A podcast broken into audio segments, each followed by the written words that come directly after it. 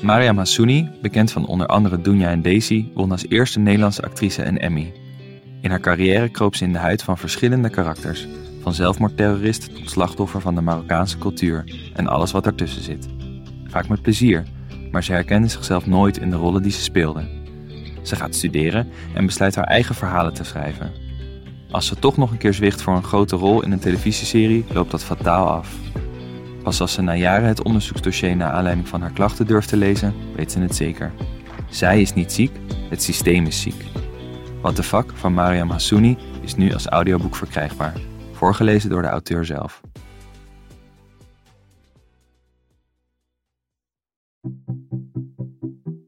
Hallo, ik ben Valentijn Hogekamp, schrijver van fictie, poëzie en toneelstukken. Vorig jaar verscheen mijn boek Antiboy bij de Bezige Bij. Antiboy is een persoonlijk verhaal over mijn coming of gender, waarin ik schreef over me non-binair voelen en daar eigenlijk nog niet echt over kunnen of durven praten met mijn vrienden, familie, artsen en mijn geliefden. Want jezelf laten zien, hoe eng is dat en hoe doe je dat? In deze podcast ga ik in gesprek met boeiende gasten over die dunne grens tussen gender en geaardheid, rollenpatronen en relaties en jezelf zijn. Vandaag zit ik hier in de studio van WPG Uitgevers met Aynouk Dan. Aynouk is modejournalist, activist en programmamaker in de culturele sector en ze gebruikt kleding als middel om normen te bevragen en werkt onder andere voor het Stedelijk Museum, het Cobra Museum en de gemeente Amsterdam, voor het Amsterdams Fonds voor de Kunsten en voor de Dutch Design Awards. Hallo Anouk. Hi. Hallo. Dit is een podcast en mensen kunnen ons hier dus niet zien zitten. Uh, terwijl jij toch een hele mooie manier van dagelijks actie voeren hebt ontwikkeld via je kleding en je uiterlijk. Ja. Wat heb je aan vandaag? Nou, ik heb ten eerste een bosje bloemen bij me. Ja. En um, uh, ik heb een, uh, een, een, lange gala-jurk eigenlijk aan met een soort boa eroverheen. Gala-jurk goud met glitters. En dan ook een roze, fluoroze pruik. En een, uh, een kroon. Ja, eigenlijk is het een, uh, een, denk ik, ja, een variatie op de prinses. Mm. Of op het, de, de, de trophy uh, wife. Nou, niet de trophy wife, maar als je dan bij de, bij de verkiezingen van Miss Universe of zo, dan krijg je, oh, ik heb gewonnen, wauw. Hè, wat natuurlijk het ultieme, ja, uh, de bruid, daar speel ik ook wel eigenlijk mee. Jij bent de Dus trofee. jezelf, ja. En ik vind dat belangrijk. Uh, en ik zie er natuurlijk best wel uh, ja, extravagant uit, gezien door een normatieve bril. Of zo zouden mensen dat, ja, zo vinden mensen dat ook. Um, maar ik vind het wel heel belangrijk dat er dus een beetje gek uitzien. Of extravagant met veel kleuren. Maar dat wel bekronen met een bosje bloemen. En een kroon op mijn eigen uh, hoofd zetten. Dus eigenlijk de schaamte of het anders zijn of het extravagant zijn vieren. Je hebt zelfs twee kronen op. Ja, precies. Dus dat, dat het even extra duidelijk is van kijk hoe leuk ik. Um, ja, je mag, je mag dus jezelf in al je um, facetten, of juist het, het schaamtevolle, want ik denk dat het bij veel mensen ook wel wat, wat schaamte oproept, of ik word ook af en toe wel uitgelachen het, door het normatieve bril schaamtevol gezien worden, uh, dat wil ik graag bekronen. Letterlijk. Ach, dus jij wil graag bekronen dat je eigenlijk die schaamte doorbreekt? Of dat je die schaamte om, oproept bij anderen? Uh, ja, het, het niet-normatieve bekronen. Ja. En dat, het niet-normatief kan heel uh, breed zijn, maar op, ik doe het op deze manier. En dat is natuurlijk altijd lastig met mode, want het zijn symbolen. Mhm. Mm -hmm. Mode en kleding en uiterlijk is een taal die wij spreken. Um, dus ik vind het ook heel moeilijk om er eigenlijk nu woorden aan te koppelen. He, het, ja. is, het is meer als ik op straat fiets, dan word je denk ik best wel vrolijk. Er zit ook trouwens een soort randje Absolutely Fabulous in. Uh -huh. Ik weet niet, dat is de BBC-serie waar Patsy Stone ongeveer de hoofdrol speelt. Waar ze eigenlijk een parodie neerzetten op mode. Um, dus dat probeer ik. Dus het is, ik vind het lastig om het in taal te omschrijven, omdat mode uh, symbolen zijn. En het is een beeldtaal. Dus als ik het eigenlijk met woorden omschrijf, dan doe ik het eigenlijk altijd tekort. Omdat het uh, een beeld is. Hè? Net zoals met een schilderij, als je daarvoor staat of een sculptuur of iets anders, dan kan je dat ook niet echt in woorden vatten, omdat het een bepaald gevoel bij je oproept, uh, die niet in woorden te omschrijven zijn. En in die zin vind ik de taal ook uh, soms restrictief. En niet altijd kunnen uitleggen wat ik bedoel. En daarom vind ik expressie en het spelen met uiterlijk En kleuren, kleding uh, is voor mij ook een manier om mij te uiten zonder dat het zo rechtlijnig is. Dat probeer ik in de taal ook. Ik probeer bijna in de taal Mhm. soms de woorden zo te gebruiken dat ze op meerdere manieren bijvoorbeeld in te vullen zijn of eh, dat ze niet zo rechtlijnig zijn. Dus te- de taal te queeren bijna. Te zoeken naar een nieuwe taal, waardoor je niet het een of het ander zeg maar twee dingen tegelijkertijd kan zeggen of iets daarnaast. Precies dat. En dat is makkelijker met mode, met kleding, dan dat dat, dat is met taal. Dat is dus weer een heel vak apart. Maar dat oefen ik wel heel hard op.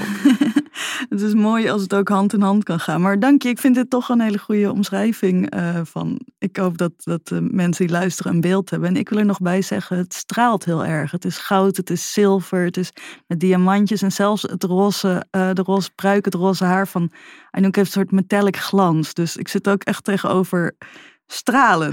dat vind ik heel fijn. Hey, jij zegt eh, dat je met jouw uiterlijk en kleding de normen wil uitdagen en doorbreken. Wat zijn die normen dan? Ja, met betrekking tot mode en uiterlijk bedoel je? Ja, je zegt van ik wil iets doorbreken. Ja. Wat, wat is hetgene waar je doorheen breekt? Wat, wat is eigenlijk voor jouw gevoel ook de norm? Ja.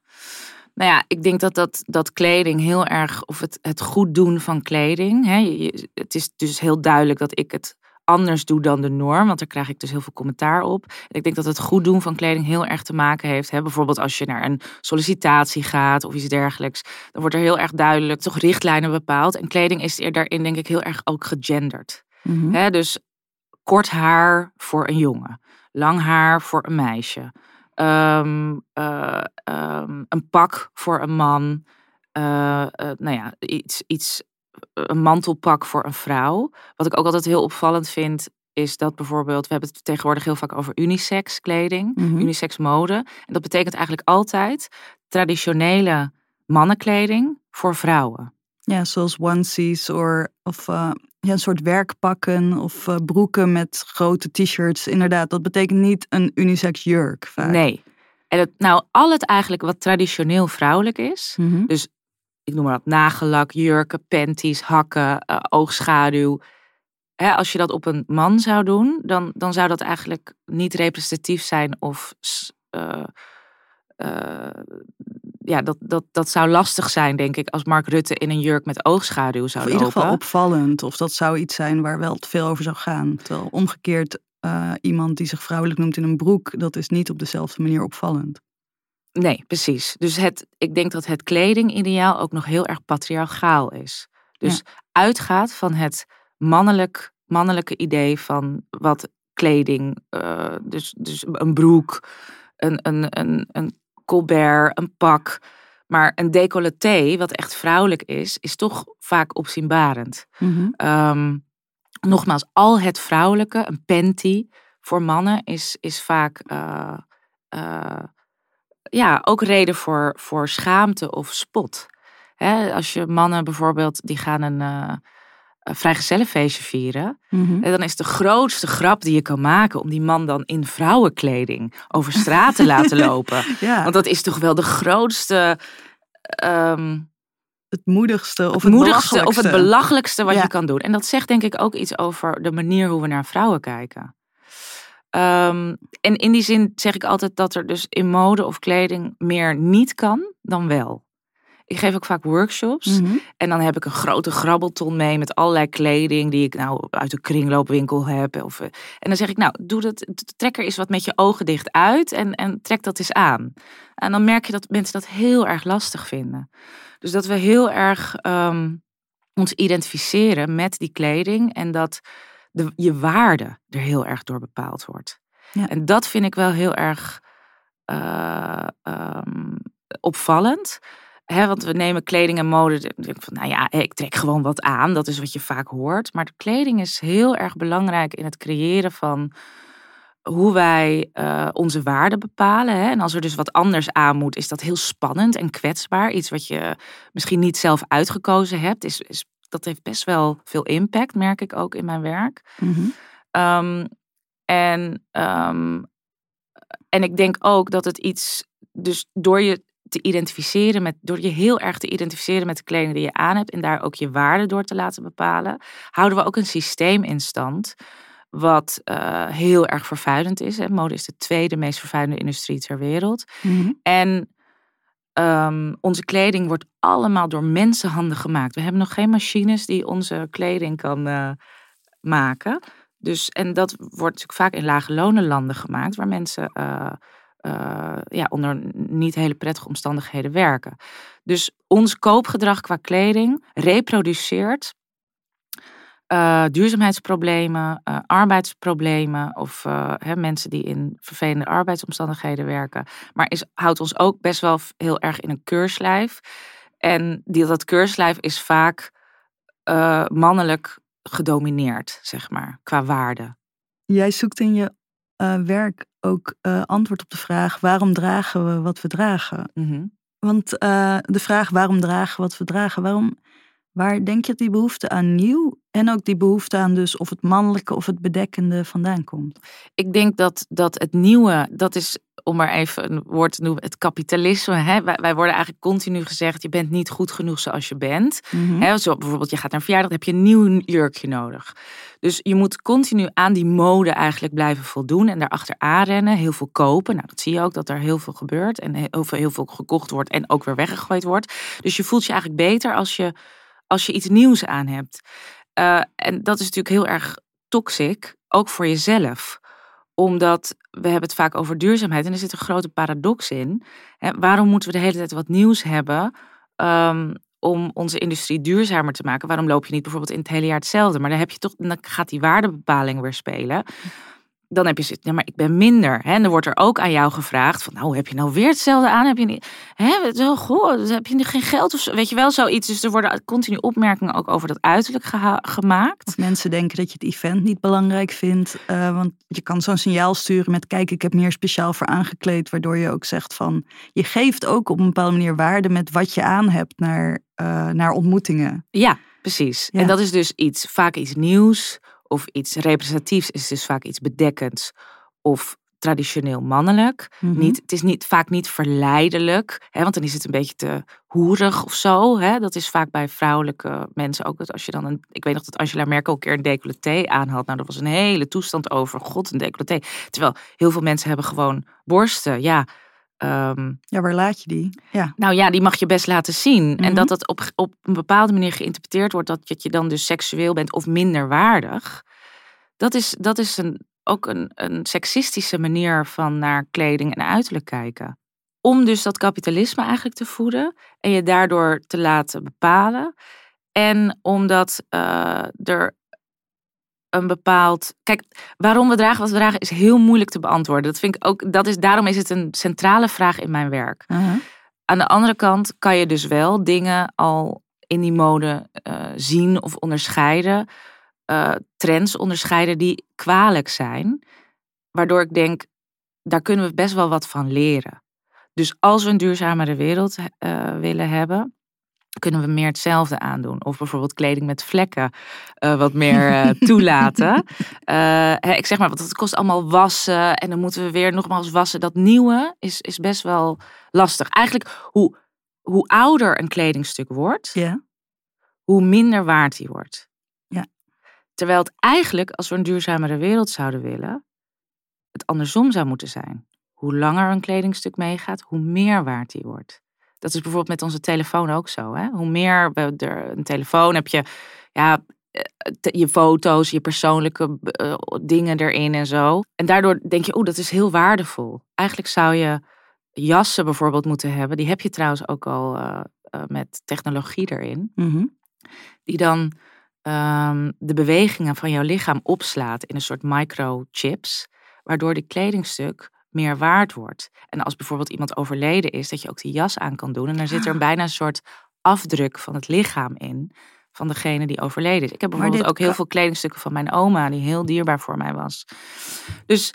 Ik wil zeggen, dit kan al, want mijn moeder is overleden en ik heb ook uh, haar handschoenen, omdat haar handen daar nog in staan, haar leren handschoenen. Dat is natuurlijk niet dat ik al haar levensherinneringen kan uh, bij me houden, maar wel de vorm van haar lichaam. Ja, nou, ja. Dat, dat bedoel ik. Dus ik denk dat de kledingindustrie is de meest vervuilende, een van de meest vervuilende industrieën. Dus als we daar anders mee om zouden gaan, uh, bijvoorbeeld met dat nieuwe, maar ook dat we uh, het traditioneel vrouwelijke, het verleidelijke, het decolleté, het korte rokje, de hak, waardoor de kont wat meer omhoog gaat staan.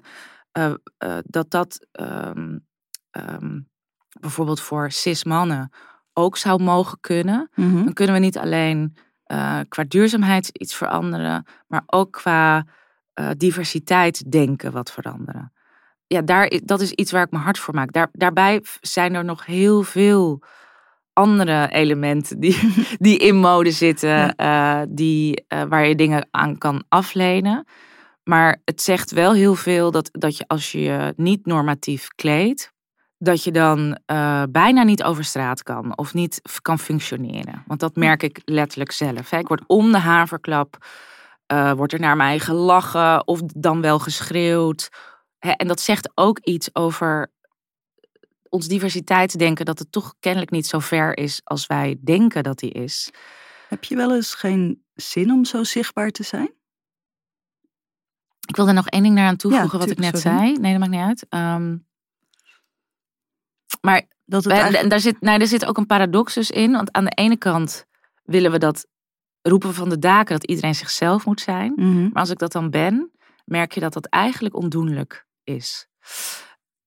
En daarom Ja. heb ik inderdaad niet altijd zin om me zo te kleden. Nee, want het is heel vermoeiend. Eh, Je krijgt heel veel aandacht en je er wordt ook aangenomen. Je vraagt erom als je als je, je zo kleedt.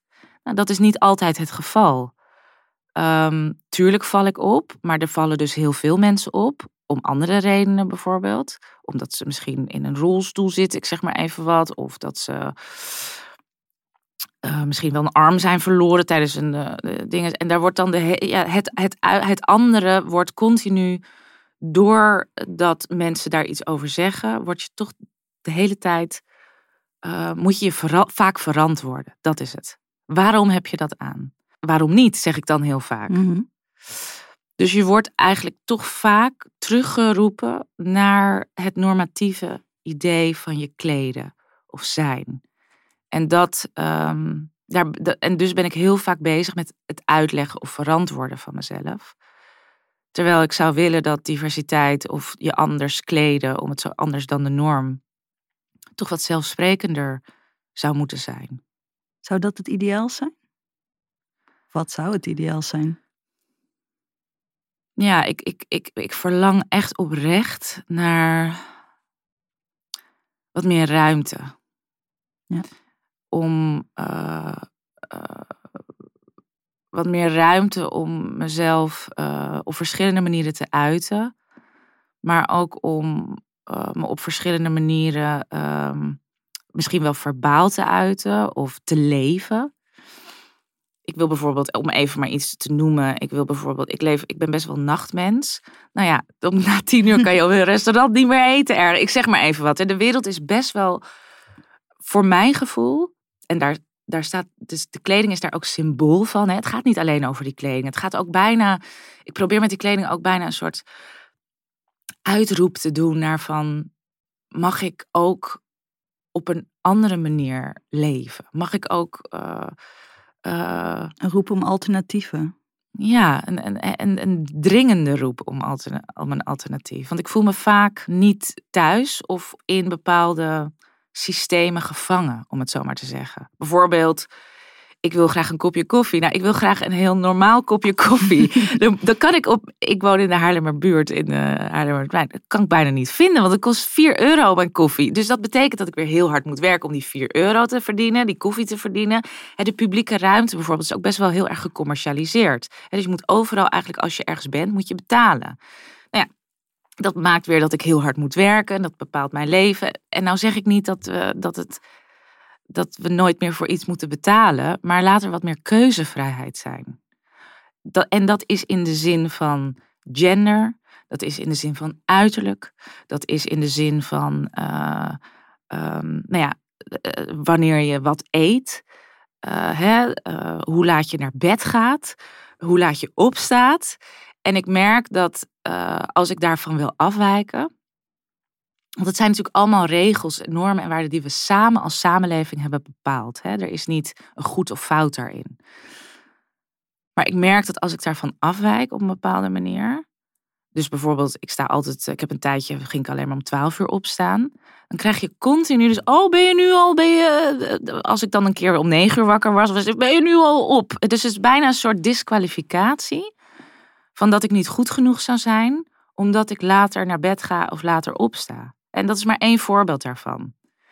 Ehm, ik denk ook dat ik, als ik zo, ik denk dat ik heel veel kan, bestuurlijk ook of qua beleid, maar dat ik zo op deze manier niet de politiek zou kunnen ingaan. Omdat ik constant gedisqualificeerd word over hoe ik eruit zie.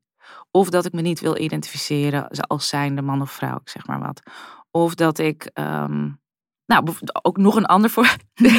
Mag ik even door? Sorry. Ja, nee, ik, uh, ik, ben, ik, ik, ja, ik zie er natuurlijk, ik ben, ik ben 40. En ik zie er niet uit als 40, omdat ik een Aziatische vader heb. Vader komt uit Indonesië, Chinees. En als ik niet make-up op heb, dan zie ik er echt uit als 12. Dus ja, maar dat is ook een norm. Ja. Mensen van 40 zijn wit meestal, dat is de norm. En die zien er dan op een bepaalde manier uit, want die hebben dan rimpels. Ik niet, want ik ben niet wit. Ik ben Asian. En soort, hè, dat, de rimpels zijn daar in die cultuur of in de, soort mensen een stuk minder. Uh, maar dan toch word ik minder serieus genomen. Er wordt niet u tegen mij gezegd, er wordt jij tegen mij gezegd. Als ik ergens een ruimte binnenloop, wordt er gezegd, ja, uh, ja dan word je toch minder serieus genomen. Want het, het, de macht ziet er op een bepaalde manier uit. En dat is een Mark Rutte, een witte man in een pak, hè, die er ook uh, uiterlijk of, of, gewoon op een bepaalde manier uitziet. Dus dat, dat zijn allemaal dingen waar ik eigenlijk een beetje tegen aanloop. En daardoor denk ik dat je als queer persoon uh, in de zin van gender of seksualiteit uh, of uiterlijk, dus, dus uh, anders bent dan de norm, loop je in het sociale verkeer, in de dagelijksheid van de dingen, in de banaliteit van het dagelijks. Hè. Ik denk ook namelijk dat machtssystemen, want daar hebben we het eigenlijk over, heel banaal zijn en in het dagelijkse heel vaak gereproduceerd worden, dus door een opmerking of door een grapje. Of door een pak aantrekken of door uh, ja. ja. het zit in kleine en grote dingen die steeds maar benadrukken: dit zijn de regels. Of, uh, Precies. Maar tegelijkertijd zijn er Impliciet. Ook, ook, veel mensen zoals jij en mensen die ik ken, die die regels ergens aanvoelen en tegen die regels aandrukken. Dus ja. ik heb het gevoel dat er zo'n constante balans is van mensen willen aan de regels voldoen. En er zijn ook altijd mensen die er graag uh, het willen ontstijgen of eromheen willen werken of er tegenaan willen drukken. Ja, nou ja, dat is natuurlijk ook zo zijn emancipatiebewegingen, om het zo maar te vind ik ook een moeilijk woord, emancipatie. Maar goed, laten we zeggen, de normen op een gegeven moment veranderen. Ja, dat hebben die mensen denk ik gedaan. Hè? Die hebben die regels en vooral de vanzelfsprekendheid ervan in twijfel getrokken. En dat is natuurlijk iets wat ik met mijn uiterlijk ook graag wil doen. Vanuit dus een persoonlijke urgentie. Vanzelfsprekendheid in twijfel trekken, wat mooi. Heb je wel eens van de uh, Public Universal Friend gehoord? Nee. Dat is ja, nu ga ik een heel uh, vaag verhaal vertellen. Ik had eigenlijk alle jaartallen goed moeten hebben. Maar dat is iemand uit een, volgens mij uit de 16e of 17e eeuw, uit een Mormoonse gemeenschap. Die eerst uh, zich meisje voelde, ging slapen, een soort ziekte kreeg. En toen die wakker werd uit die ziekte, was die van: Nou, ik ben geen man en vrouw meer. Ik ben een universele vriend van God. Uh, schaar je om mij heen. En dat was dan echt al in de 17e eeuw. En wat ik zo bijzonder vind aan het verhaal, toen was, werd dus een soort geloofafsplitsing, de Universal Friends of God. Dat er dus altijd mensen zijn geweest die tussen dingen invallen of uh, op een bepaalde manier niet vanzelfsprekend zijn, maar dat dus ook altijd mensen zijn die zich om zo iemand heen scharen. Mm. Hey, je zei het in het gesprek al even eerder, uh, dat je volgens mij zij en hen gebruikt, maar klopt dat je ook wel eens hij gebruikt? Zijn er, zijn er woorden die je voor jezelf gebruikt? Als voornaamwoorden bedoel je? Ja, maar ook om jezelf te omschrijven. Ja. Ja, dat vind ik dus heel lastig. Mm -hmm. um, ik, ik, ik, het is ook een beetje, je hoorde denk ik net al een beetje mijn frustratie. En dat het soms best lastig is dat je dus tegen bepaalde systemen of normen aanloopt. Dus um, ik denk dat het ook heel belangrijk is voor activisten zoals, zoals wij, als ik het even zo mag noemen, om Dankjewel. choose your battles te doen. En je kan niet alles proberen aan te kaarten of te veranderen. Um, dus uh, en, en, en rust en self-care is daarin denk ik ook heel erg belangrijk. Dat je goed voor jezelf zorgt. Um, dus daarom heb ik niet altijd de energie om mezelf hen te noemen, terwijl ik me daar wel het beste bij voel. Mhm. Omdat ik dat dat weer nog iets is wat ik moet uitleggen. En ik heb dat privilege, hè, laat ik het wel even zo zeggen, dat ik me ook comfortabel genoeg voel bij zij. Mhm. Dus vandaar die zij hen. Ehm, en hij, ja, wil ik eigenlijk dat, dat kijk, taal is het, ik, ik, ik, die voornaamwoorden, ik, ik kan me in, ik, ik voel me niet per definitie zij, hen of hij. En dat is nogmaals een privilege, dat ik al die voornaamwoorden kan gebruiken. Maar hij, eh, ja, dat, dat, dat, eh, ik, heb, ik heb het idee dat er al te veel mannen zijn, eh, mannelijkheid is. Ja. Op dit moment. Ik gebruik dus, eh, ik voel me non-binair, maar ik gebruik dus wel hij. Ja, Maar dan zie je soms ook in mijn bio staan, eh, hij was geselecteerd voor de Women Playwriting Award. Maar dat vind ik, die kortsluiting die dat veroorzaakt, vind je daar, heel leuk. dat vind ik dus wel leuk. Ja, Daar ben ik ook wel blij in. Ehm, dat ik, ik ben op die manier non-binariteit voor mijn gevoel ook een beetje aan het oprekken. Dat dat bij mij dan wel weer hij is en niet hen. ja. Ja. En dat snap ik heel erg goed. Ja. Ik zou het ook niet dus erg vinden als iemand me hij eh wil noemen. Maar je hebt natuurlijk ook best wel veel discussies in de queer gemeenschap. En ik snap ook wel dat ik het niet als een voornaamwoord als tool wil gebruiken om iets te doorbreken. Of wat jij zegt, een soort verwarring te veroorzaken. Omdat er ook heel veel mensen zijn die die voornaamwoorden op een manier gebruiken die heel veel voor hun betekent. Dus daar wil ik voorzichtig mee zijn. Ja, die ook op een hele levensbevestigende manier, zowel qua kleden, qua soms qua hun uiterlijk, qua voornaamwoorden, eh, echt iets vinden in echt hij, zij of hen. Precies. Ja. Dus er zijn heel veel transpersonen, denk ik, die echt heel graag hij genoemd willen worden. En daar totaal geen grap of. eh, nou, dan zeg ik niet dat jij er grap Nee. probeert mee te steken. Maar snap je, je, je hebt wel privilege om het vloeibaar te gebruiken. Ja. En daar wil ik op letten dat ik het niet zo vloeibaar wil gebruiken. Omdat er mensen zijn die, die het heel belangrijk vinden dat ze zo genoemd worden. Dus ik, ik wil daar een beetje van wegblijven eigenlijk. Ja, dat is ook zeker iets wat ik dan voor mezelf zeg van hé, hey, ik ben nog aan het zoeken. En ik vertel het nu natuurlijk ook wel upbeat, maar daar zit een wereld van leed en zoeken ook achter. Ja. Maar het is ook gewoon belangrijk om ergens te beseffen wat voor mij werkt. Is natuurlijk niet, dat ga ik niet anderen opleggen. Van hé, hey, ik ga Ja. er zo mee om, dus dat zou iedereen moeten doen. Dat vind ik soms ook een beetje gek. Dat mensen wel voor baas in eigen buik zijn, bepaalde feministen, maar niet voor baas in eigen broek of baas over eigen lichaam of baas over eigen voornaamwoorden. Oké, maar ik, eh, nu we het eh, toch over labels hebben, ik wil jou eh, graag een, een nieuw label opplakken. ja. Daar zijn we weer met onze rubriek Nieuwe Labels. Nieuwe labels, labels, labels, labels. Ehm, ben jij een Manic Pixie Dream Girl? Manic Pixie Dream Weet Girl. je wat het is? Nee. Ehm, het is een term uit, eigenlijk uit de filmwereld. Eh, voor een karakter dat heel sprookjesachtig is en in je leven komt binnenwervelen en dan glitter in je ogen blaast. eh, figuurlijke glitter. Maar die eigenlijk dan vooral andere mensen helpt zich te ontwikkelen. Jezus. Ja, het is, het is ergens, je kan zeggen scheuzennaam of scheldwoord van, van omdat jij eh, echt heel schijnend het, het, hele- het straatbeeld oplicht of normen doorbreekt. Maar hoe geeft dat jou, is dat, hoe is dat voor jezelf? Of ben jij andere mensen bewust aan het maken met je uiterlijk?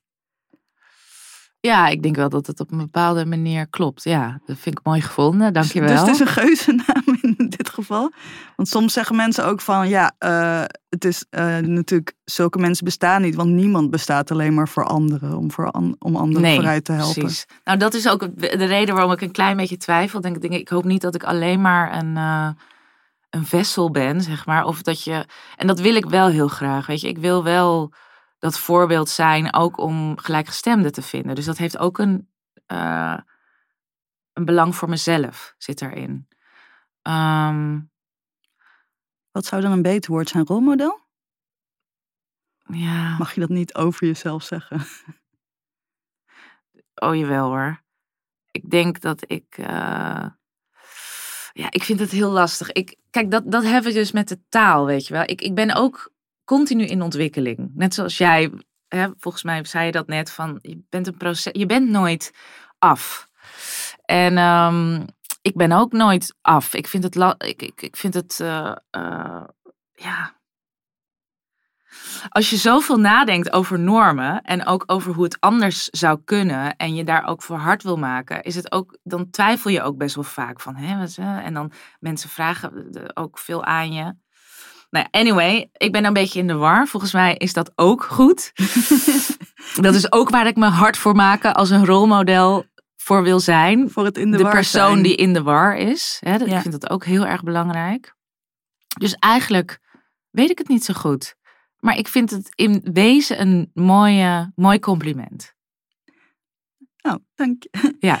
Ik, ik weet niet waarom ik dankjewel zeg als ik jou een compliment geef. Nou, Eh, moet ik jou ook weer een compliment ja, geven. dat is het, dat is het. Ik heb me echt een hoofd vol ideeën en verdere vragen gegeven. Ehm, ik wil graag tot slot vragen, eh, hoe belangrijk is het om, om te weten eh, wie je bent en waar je naartoe gaat? Mm, ja, ik denk dat dat het belangrijk is. Natuurlijk voor de houvast van eh, je identiteit, het, het stellen van doelen, ehm, het, het waarmaken van je dromen. Ik denk dat dat heel erg belangrijk is, ja, zeker. En daarom denk ik dat het ook, eh, strijd ik ook bijvoorbeeld via andere projecten die ik doe, voor meer bekendheid over eh, ja, alternatieven van de normen die we nu kennen. Dus alternatieven eh, tussen man en vrouw, eh, tussen de, de fluïde seksualiteit. eh, dus dat we dingen op een andere manier kunnen benoemen en ook voorbeelden daarvan hebben, die ik persoonlijk best wel heel erg gemist heb. Ehm, ik denk ook dat eh, afkomst of kleur daar heel erg belangrijk in is. Hè, dat is ook een, eh, natuurlijk een belangrijke maatschappelijke discussie die nu gaande is, wat ook denk ik heel belangrijk is. Op de middelbare school mijn vader komt bijvoorbeeld uit Indonesië. Leer je niet echt, ja, Indonesië. Ik, die heb ik niet heel erg, ja, in de schoolboeken ergens zo op, weet je wel. Dus, dus in die zin ben ik denk ik niet alleen op zoek geweest naar eh, mijn seksualiteit of mijn eh, gender, maar ook naar waar ik vandaan kom. Dat daar be- best wel weinig informatie over was. Ehm, ja, ik ken nog steeds niet een eh, queer persoon die ook eh, ja, echt Aziatisch is. Ja, Piet Woe. Dat, nou ja, maar daar houdt het dan eigenlijk een beetje mee op. Dus de, het kruispunt tussen queer zijn en eh, een migratieachtergrond hebben bijvoorbeeld, denk ik dat daar nog veel meer rolmodellen en bekendheid over kan worden verschaft. Ehm, en daar zijn we natuurlijk nu ook mee bezig. Hè? Dat, dat, ik, geloof, ik zie, geloof wel dat heel veel musea en instellingen daar heel erg mee bezig zijn. Het, het decoloniseren van de geschiedenis, om het eigenlijk te zeggen, denk ik dat het wel heel erg belangrijk is. Dus dat we niet de geschiedenis vanuit één perspectief vertellen. Namelijk, Michiel de Ruiter was een held. Maar ook, uh, wie zijn er door Michiel de Ruiter allemaal afgeslacht? En wat zijn daar de consequenties van? En, uh, het is natuurlijk excuses slavernijverleden, maar ook de toeslagenaffaire. Hè, dat werkt door in het heden. En daar zit zeker nog een ongelijkwaardigheid in, denk ik, in de zin van discriminatie en racisme. Um, Hoe ben je nu zelf je achtergrond aan het onderzoeken?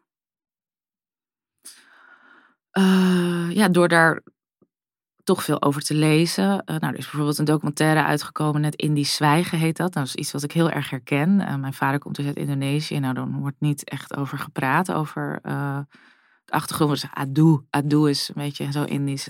Laat maar, is al zo lang geleden. Dus ik vind het heel, dat vind ik heel troostrijk, dat er andere mensen over praten op die manier. En daar kan ik me dus ook zelf in herkennen. En dat geeft mij dus ook veel meer inzicht over hoe ik gevormd ben door uh, dat mijn vader dus op zijn twintigste naar Nederland is gemigreerd en toch met ja, een geschiedenis heeft meegemaakt waar ik niet heel erg bekend mee ben, maar zeker wel zijn, zijn, zijn invloed op mij heeft gehad eigenlijk. Uh, doordat hij uh, ja, die geschiedenis heeft en ook die kleur heeft en ja, ik, ik weet daar dus en ik vraag me heel erg af hoe ben ik daardoor gevormd en hoe vormt dat ook weer wie ik word. Ja. Dus het is een continue. Dus je voelt een uh, invloed, maar je bent die invloed nog aan het onderzoeken. Ja, ja, precies. En dus ik vind het heel inspirerend dat heel veel mensen daarmee bezig zijn. Je hebt ook een Pan Asian Collective. Nou ja, bananen, de bananengeneratie natuurlijk van Piet Woe. Um, um, ik ben er net achter gekomen dat ik dus Peranakan ben. Dat betekent dat, het, dat ik, dat, nou ja, dat is een groep uh, Chinezen in Indonesië, als ik het goed begrijp. dus um, dus dat is ja, daar die diversiteit om dat te laten zien en continu maar naar de voorgrond te brengen. eh, denk ik dat het essentieel is, omdat ik denk dat we daar ook al die mensen die nu opgroeien en jonger zijn, het is heel fijn, denk ik, als die wegen ook eh geplaveid worden. Want nu is er, als je geboren wordt als mens in de wereld, wordt het, is het vaak, eh, word je al gelijk gelabeld of als vrouw of als man. Daar moeten we trouwens ook mee stoppen. Hm. Ehm, laat het kind bijvoorbeeld zelf meer beslissen over hun gender. Maar ik- ik denk dat het heel belangrijk is, en daar voel ik inderdaad, als we het hebben over rolmodellen, een grote verantwoordelijkheid in. Misschien soms iets te groot. Om daar nieuwe wegen naast te plaveiden. Nieuwe weggetjes in het bos te maken. Om die Mogelijke wouden, paadjes te die laten mogelijke zien. paadjes te laten zien van hoe ziet het er nou uit als je queer bent en van Indonesische afkomst. Of eh, in mijn geval Indisch-Chinees dan. Hoe ziet het eruit als je van Surinaamse afkomst bent en queer? Hoe wordt dat in jou, bij jouw achtergrond beleefd? Hoe ziet het eruit als je... Hè, dus al die mogelijke, en dat is het woord intersectioneel eigenlijk, hè, ook, ook al die mogelijke kruispunten van identiteiten, daar moeten we veel meer over praten, bekendheid genieten. Want uiteindelijk eh, gaat het over mensenlevens. De, helaas is, eh, komt er nog veel meer zelfmoord voor onder de LGBTQI eh, gemeenschap. Pesten op school. Ehm, het, ja, het lijden, denk ik wel, in de zoektocht naar iets zijn. Zoek toch naar een identiteit die het waard is om voor te leven. Ja, maar ook geaccepteerd wordt. Ja. En gevierd wordt. Ja, En nu is het nog te vaak dat je jezelf moet verantwoorden of uitleggen. Oh, nou, wil je een kind? Hoe ga je dat dan doen? Oh, dat is wel zwaar, hè, in je eentje. Ik, nou ja, ik kan er nog heel veel. En nogmaals, ik wil niet de schuld leggen bij de mensen. Want, want dat is ook hoe ons systeem werkt. Hè? Dat is, witte mensen hebben geen schuld aan racisme. Maar het is wel het, is het systeem waarin je opgroeit. Dat de macht er vaak wit uitziet. Dat de macht er vaak mannelijk uitziet. Dat de macht er vaak nou ja, dat, dat mensen zoals, zoals ik niet vaak in een machtige positie worden gezien. Dus dat is niet eh, iemands schuld. Maar we hebben wel een verantwoordelijkheid om eh, de diverse, di- diversiteit aan stemmen, aan lichamen, aan seksuele voorkeuren, aan genders, aan manieren hoe te leven, eh, in te bouwen in onze samenleving. Eh, en mensen dus ook zichzelf te laten zijn en oppassen met aan te nemen dat iemand hetero is. Want daar vindt de echte. Want in het dagelijkse, we kunnen wel hele moeilijke theorieën daarover hebben, maar in het dagelijkse vindt het uiteindelijk plaats. Dus vraag of iemand een partner heeft en niet, ga er niet uit vanuit wat een vriendje heeft. Maak die toiletten nou toch eens genderneutraal. Het lijkt allemaal banaal, maar het is voor iemand. Je zegt eigenlijk letterlijk tegen iemand: je mag erbij horen, er is ruimte voor jou. En je wordt ook op allerlei andere manieren al, al niet. het maakt er, als je op een formulier man, vrouw alleen doet, dan wordt er letterlijk geen ruimte voor je gemaakt. Ehm, dus hè, er zitten in het dagelijks leven heel veel van dat soort systemen ingebouwd die eh, ons in our gendered place houden. Of in our. gewoon eh, op je plek. Op je plek, en op het normatieve op een bepaalde plek. manier. Ja, en, en ik denk dat we daar echt in, de, de, in beleid, in bestuur, maar ook in het vertellen van verhalen en het ruimte maken voor die verhalen, ja, gewoon veel meer aandacht moeten besteden. Heel erg bedankt. Dank je. Ja, jij bedankt. Hey, heb jij tot slot voor onze luisteraars een queer lifehack? Ja, dat sluit eigenlijk een beetje aan met wat ik net zei. Ehm, burgerlijke ongehoorzaamheid. Dat vind ik een hele mooie. Ik was bij, eh, eh, werd het Maagdenhuis bezet, opnieuw. Eh Maagdenhuis in Amsterdam, de universiteit. En ik stond daar, er was een protest over dat er eh, een aantal gebouwen ehm, werden dus verkocht van de universiteit, omdat er een hotel moest komen, of course. Ehm, en ik stond daar en ik, nou, we waren aan het demonstreren. Op een gegeven moment was die demonstratie afgelopen. En eh, nou, ik denk, nou ga ik weer naar huis, weet je wel. En op een gegeven moment werd de deur dus opengebroken van het maagdhuis op het spui. Mhm. En renden mensen naar binnen. En dat die deur opengebroken wordt, dat was voor mij een soort, ja, hack dus ook. Dat ik denk, het kan gewoon. wij kunnen, als wij samen eh, sterk zijn, kunnen we ook ehm, dingen die, waarvan je denkt, ja, dat, dat mag niet, dat kan niet. Die Hè? deur staat gewoon, die deur is gewoon dicht. precies eh, kunnen we opengebroken. En het was een hele mooie avond. Want wij zijn dat gebouw ingegaan en we hebben, Ebert van der Laan was toen nog burgemeester, is ook gekomen. Hele mooie gesprekken gevoerd over, eh, ja, en te zeggen van ja, maar dit klopt niet. Dat, dat eh, universiteitsgebouwen worden verkocht door, eh, aan hotels. En die mogelijkheid, dat heeft dus voor mij iets, iets betekend. Ik heb ook een keer naakt over straat gelopen. Maar dan moet je ook maar opkomen. Weet je wel? Maar dat, mag, dat hoort wel ook onder burgerlijke ongehoorzaamheid. Omdat het dus officieel van de wet dus niet mag. Dus probeer ook, denk ik, de wetten eh, te bevragen, te blijven bevragen. Eh, de institutionele macht, de politieke macht. eh, te, blijven bevragen. Omdat daar ook die systemen in verankerd zitten. Die ons ja, op onze, onze kleine plek houden eigenlijk. Dus. Het is een, een prachtige lifehack. Ehm ik had ook een keer zin in burgerlijke ongehoorzaamheid. En toen ben ik dus naakt naar de supermarkt gegaan, maar wel met een regenjas erover en gimpen aan. Dus eigenlijk wist ik het alleen. Maar soms kan het ook heel fijn zijn om ongehoorzaam te zijn en onzichtbaar tegelijk. Dat jij het weet, dat je ongehoorzaam bent. Ja. Maar goed, nu vertel ik het toch door en dan wordt het... eh, Nee, dat, nou, Ja. dat is. Het is ook heel. Kijk, laat ik ook even zeggen, hè? Dat dus het doorbreken van dingen waarvan je eigenlijk wel weet, ja, eigenlijk klopt dit niet, maar ik durf het toch niet anders te doen. Het is ook heel moeilijk. Toen ik naakt over straat ging, had ik ook drie drankjes op. Maar ik vond het wel belangrijk. Maar het is ook Had je heel wel schoenen moeilijk. Nee, ik kleedde Oh. me gewoon op straat uit. Ah, En ik ging daar even. ik had toch eh, wel schoenen aan. Ik wou wel mijn voeten beschermen. Ja, nee, dat is, ja, precies. Maar ik denk wel dat, dat dit soort, dat je het ook moet oefenen, zeg maar. Dus dat het ook een begin kan zijn met van, oh, hoe voel ik me? En dat da- daarin te experimenteren, weet je wel. Nou, dat lijkt me heel erg, Baby steps. nou, baby steps. ja, precies. One step at a time. Anouk, heel erg bedankt. Ja, jij bedankt. En Dit was voorlopig onze laatste aflevering. Ik wil al mijn prachtige gasten bedanken die ik dit seizoen heb mogen spreken. Iedereen was ontzettend knap en inspirerend. Antiboy de podcast is een productie van De Bezige Bijen en WPG Studios.